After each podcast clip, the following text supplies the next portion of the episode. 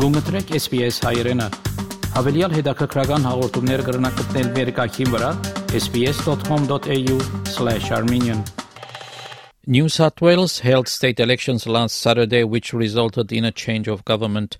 The state presents particular interest to the Armenian community since the majority resides in Sydney. My guest is Dr. Zareh Ghazarian, senior lecturer in politics and international relations at Monash University, to discuss the election results. Dr. Zareh, welcome to SBS Armenian. Thanks so much for having me, Vahe. Uh, Dr. Zareh, were polls correct in predicting the outcome of the elections? Uh, were there any surprises? The polls this time were correct. Um, in 2019, at the federal election, the polls were way off. And that really shook our confidence in the accuracy of polls.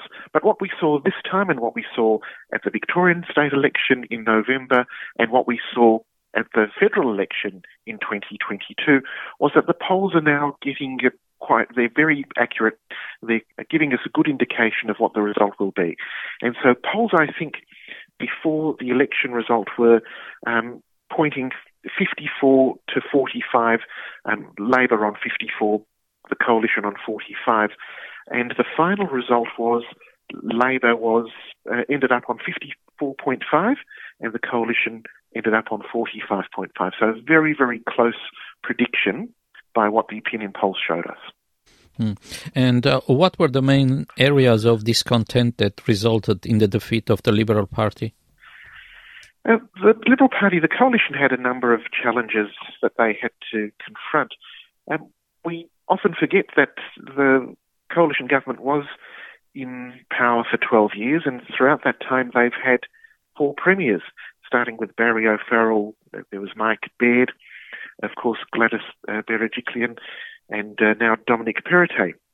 Um, and there was a sense of its time, I think, in the community, that the community was um, starting to uh, no longer support the government. It had been there for quite some time, and they were looking for um, a new a new team.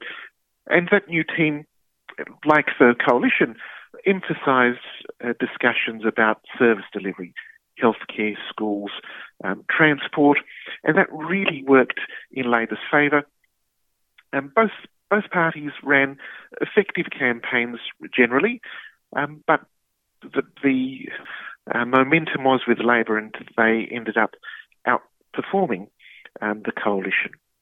Um, and now that, uh, except Tasmania, federal and state and territory governments are Labor, uh, will this make it easier for state and uh, territory relations with the federal government? I think it's going to be very uh, difficult in some ways because what we have um, is an expectation that there'll be greater harmony between states and the federal government. But I think the state leaders will be focused on advancing their state's interests, and that can sometimes go against their party interests. Um, and there will be competition. And I think it's going to be a real challenge for um, the Prime Minister to manage the expectations of all state premiers, and that all state premiers um, have to be very cautious that they um, go in with very um, reasonable expectations of what they can achieve. I'm not sure it's going to change things too greatly, um, but it is going to be a very interesting uh, situation where we have all mainland states um, with Labor governments and only just uh, uh, Tasmania, the outlier. Dr. Zareh, thank you for the interview and your views. Thank you so much for having me. Our guest was Dr. Zare Ghazarian, Senior Lecturer in Politics and International Relations at Monash University. Հավնե, լայք, բաժնեկցե, դարձիկը թայտնե, հետևե SBS հայրենին թիմադեդի վրա։